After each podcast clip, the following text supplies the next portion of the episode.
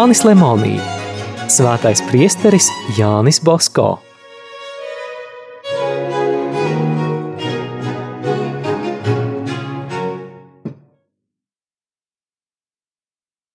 Kādu vakaru stāsta cits bijušais priestera Bosko audzēknis, kalpotājs no virēja lūdza priesterim Bosko mazliet siltas viras.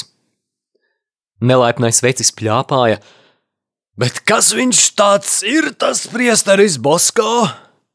Cilvēks kā visi! Kāds cits šos virēja rupjos vārdus atstāstīja priesterim. Viņš pavisam mierīgi teica, virējs teica taisnību – Daži Bosko draugi neuzdrošinājās ar viņu sarunājoties sacīt tu. Viņi to uzrunāja ar jūs. Dzirdēdam sevi tik svinīgi uzrunājam, Bosko sāka smieties un lūdza viņu saukt tāpat kā agrāk. Daži pretojās. Vai tad tādu cilvēku, kas runājas ar kardināliem, ar pāvestu, un kas, ja arī vēl nav, tad drīz kļūs par ekscelenci, var uzrunāt ar tu? Basko tikai papurināja galvu. Pietiek, nu pietiek. Esmu un arī palikšu Jānis Bosko, zēnu priesteris. Tik dedzīgi Jānis Bosko mīlēja pazemības tikumu, ka meklēja ikvienu izdevību, lai tiktu pazemots. Priesteris Roā raksta. Priesteris Bosko ļoti mīļi pieņēma savu bērnu piezīmes un padomus – Atceros reiz piekalpojot viņam svētajā misē, ievēroju kādā ceremonijā niecīgu neprecizitāti, vismaz man tā likās. Atgriezies sakristējās, to viņam arī pateicu. Bosko man sirsnīgi pateicās, un no tās reizes vienmēr kabatā nesāja misu rubriku. Kad gadījās brīvs brīdis, viņš to lasīja.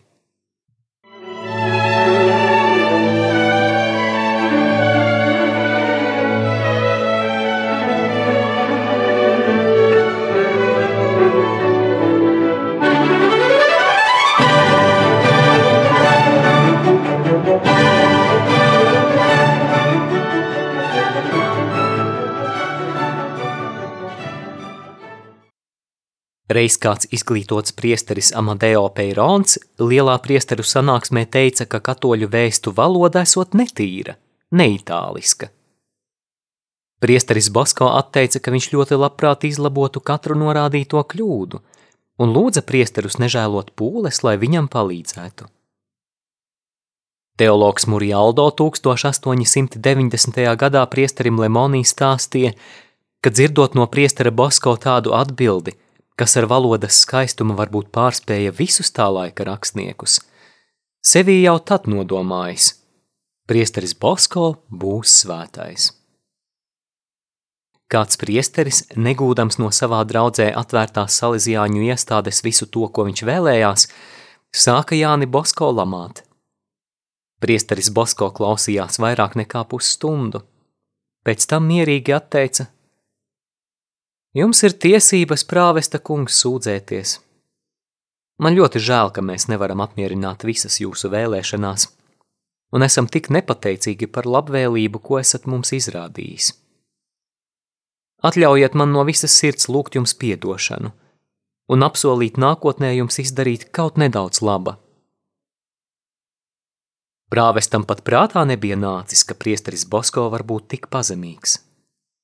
Sapratis, ka ir bez vajadzības iekarsis, viņš pieklājīgi lūdza viņu atvainot un apsolījās būt patiesas Jāņa Bosko atbalstītājs. Solīto viņš arī izpildīja. Pēc priestara Bosko nāves tajā pilsētiņā vajadzēja ierīkot svētdienas oratoriju, bet tam nebija līdzekļu.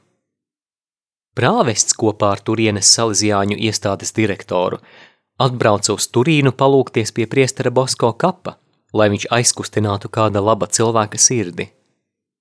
Tūliņa līdzekļi radās. Tas bija apbrīnojami, turpina priesteris Ruā, cik mierīgi Bosko pacieta apvainojumus un netaisnības no priekšnieku puses.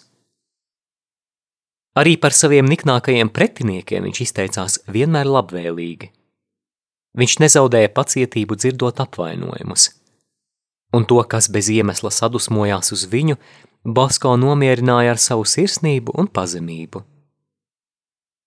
Kaut arī augstākās baznīcas varas atbalstīts, Viņš piekāpās visvienkāršākajam prāvestam un lūdza piedošanu, it kā viņš būtu bijis vainīgs.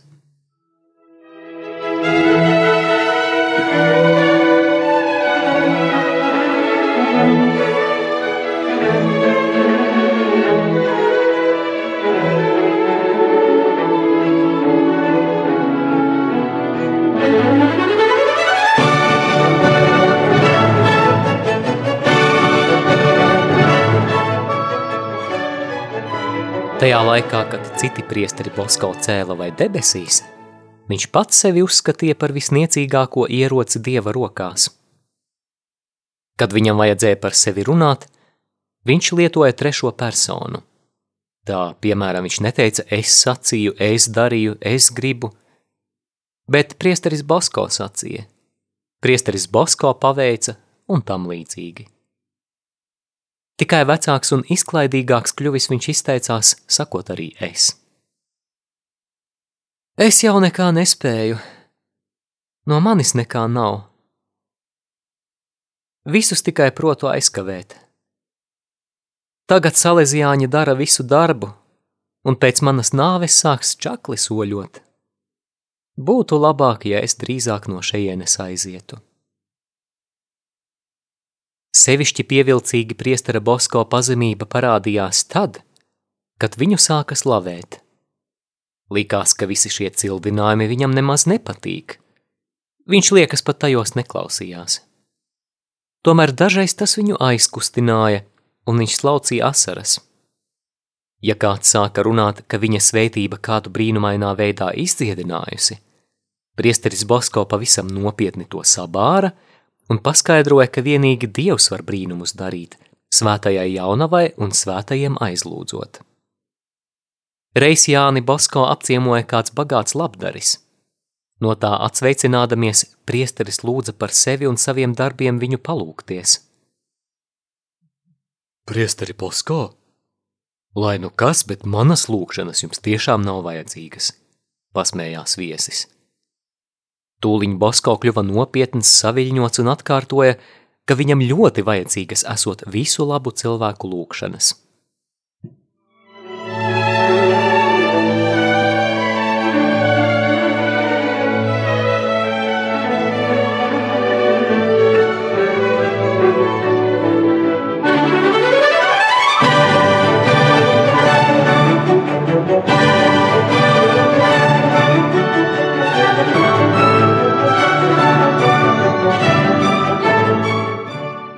Ja kāds viņu sauca par īpašu cilvēku, svēto, priesteris Bosko pasmējās un sāka runāt par ko citu.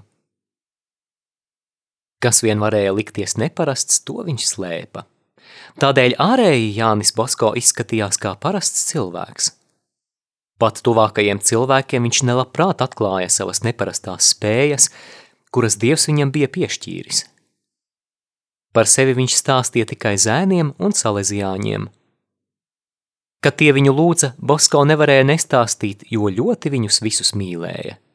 Tomēr arī tad viņš stāstīja tādēļ, lai kā vieni tā otri uzticīgāk veiktu savus pienākumus un zinātu, kā tiem izturēties dažādās dzīves situācijās un sarežģījumos.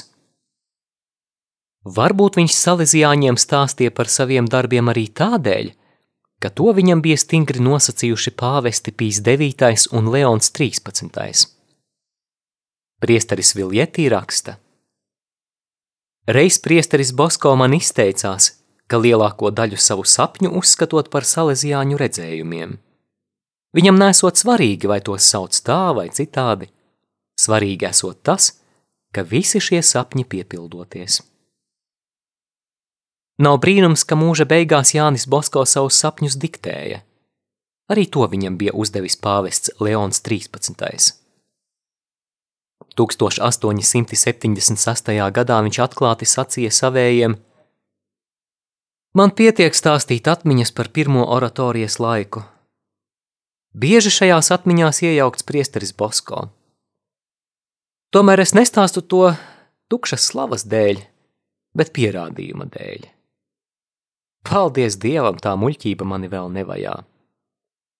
Gribu vienīgi parādīt, cik liels ir Dieva spēks – Cik viegli Dievs var izdarīt vislielāko darbu ar visvienkāršākajiem, nekam nederīgiem rīkiem.